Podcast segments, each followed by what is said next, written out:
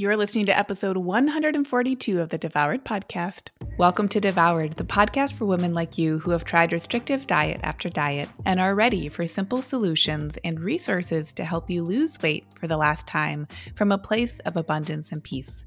If you're looking to end the yo yo of comfort eating and rigid weight loss protocols and instead step into living your life on your terms while losing weight in the process, you're in the right place. All right, party people, welcome to the show. The snow has like pretty much melted here in Portland, Oregon. There are very small piles here and there in shady areas of the neighborhoods, which I see as I'm going on my daily walks. And it feels really nice actually to be able to get back to those daily walks. I took a brief interlude, not even when it was super snowy out, uh, we actually went on a couple of really long walks in the very powdery snow. But when the snow was melting a few days later and life was just one big puddle here in Portland, I took a break from those walks. So it feels extra sweet and special to be able to get back out into the neighborhoods these days. Today, we're talking about perfectionism.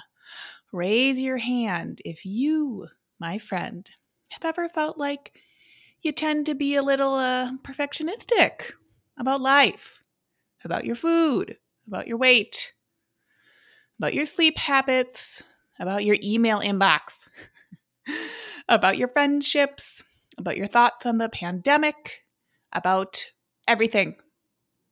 If you've been perfectionistic, guess what? You're in wonderful company. One of the things that I find most common with people who tend to have traits of perfectionism is that it's coming from this wonderful place. Now, if you've been around the show for a while, you know that I know that what I believe to be true and what I see every damn day is that we come to our habits innocently. Maybe those habits were given to us by someone else's story about us or our role in the world. Maybe we came to a certain story or belief because of uh, an experience, a reference experience from our past, or something that happened that we decided subconsciously was going to shape how we navigate the world, regardless of whether that was a positive or a neutral or a negative experience. We come to our habits and beliefs can be a habit. the tangibles and the intangibles, we come to those innocently. So remember, as we're chatting today on this episode, if you notice that you have some of these tendencies, I want you to really ask yourself, I want you to do the radical thing of really coming into a place of being centered with yourself and saying, like, what if that perfectionism or thing that now I feel like I need to nitpick myself on just a little bit to no longer be as perfectionistic, what if that's not actually your job here? What if your only job in learning about that you, or reminding yourself that there are some perfectionistic traits that aren't really getting you where you want to go? What if your only job is to have clarity on that and to love the hell out of yourself? For every dose and dribble and little bit of perfectionism that has colored and painted your life and your lived experience. Now, really take a minute and soak that in. What if the perfectionism hasn't been a bad thing? What if it's not something you have to get rid of?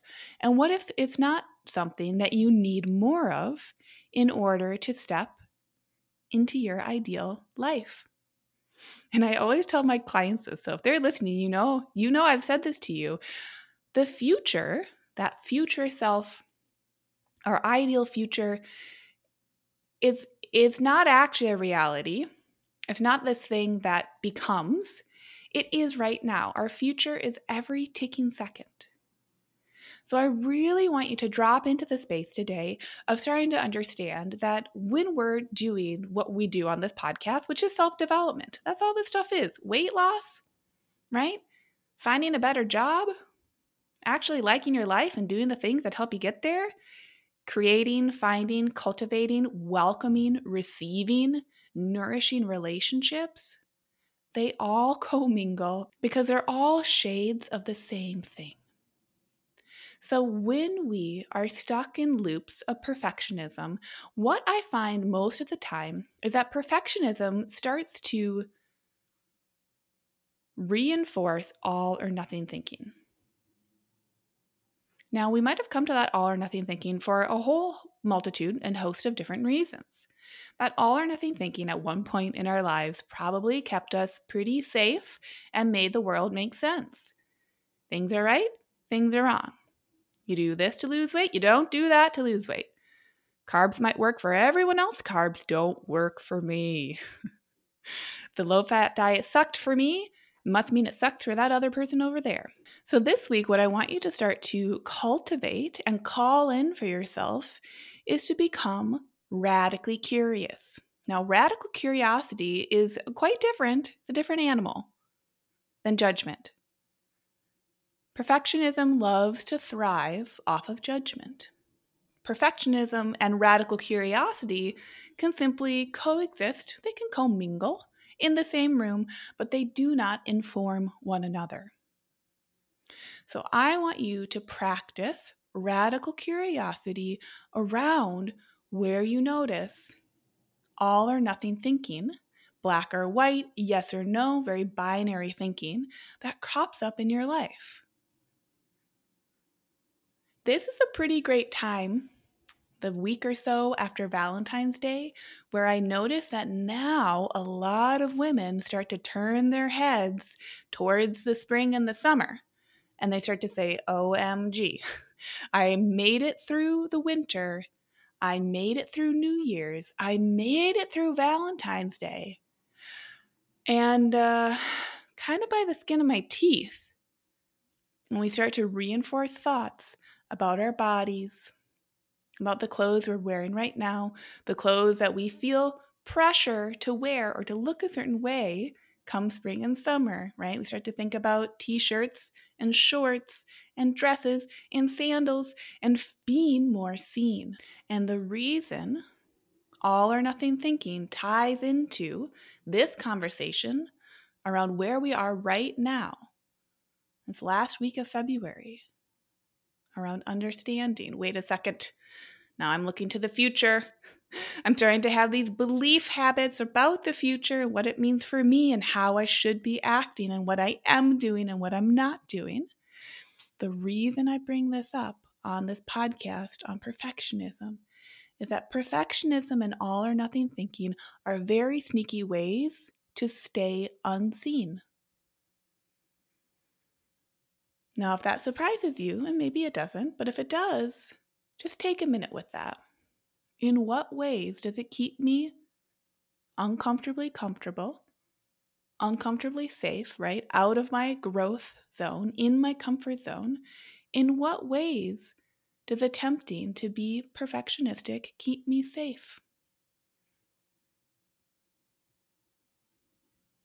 It's our brain's short term solution, often, to a belief about how vulnerable it is to be seen in the world.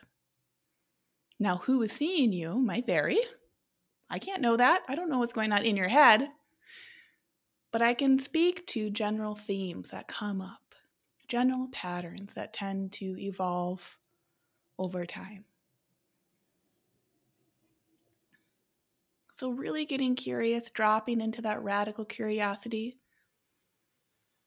One way I invite that is through free journaling, which is just getting like an actual pen, an actual paper, going lo fi, and writing for a full minute, writing out the thoughts that are in your head without having to do anything with them.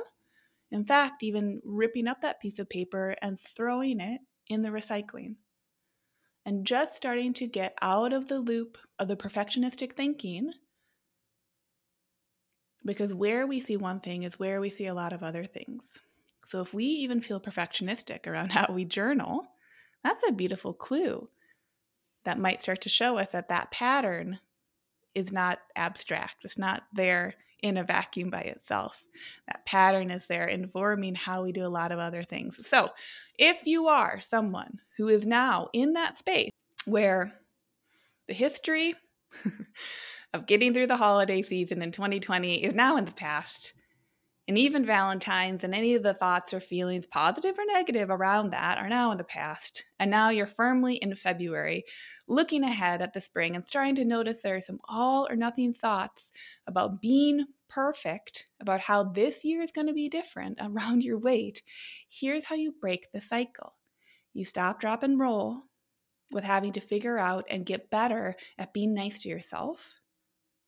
You stop making that one more task to do because that can become very all or nothing too. I see it all the time.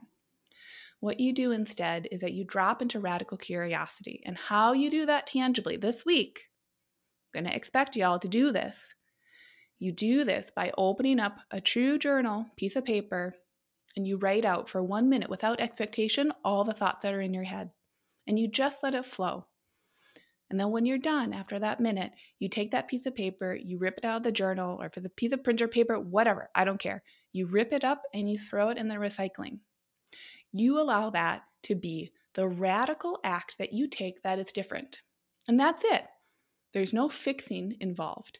There's no overwrought, oh my God, how do I do this? Oh, I need a meal plan, one more thing. I need to do this we allow all the thoughts just to be. And I swear, if you show up to that one minute practice every day this week, your life will change. I challenge you to free journal for one minute every single day this week and just see what happens. See what you notice around these traits of perfectionism and how they influence you when it comes to your body, the food choices you make, your satisfaction, your appetite, all of it. Ready, set, go. I'll see you on the next episode. Did you know you can find more support from me on my website? Go to Lucia Hawley, L U C I A H A W L E Y dot com to connect.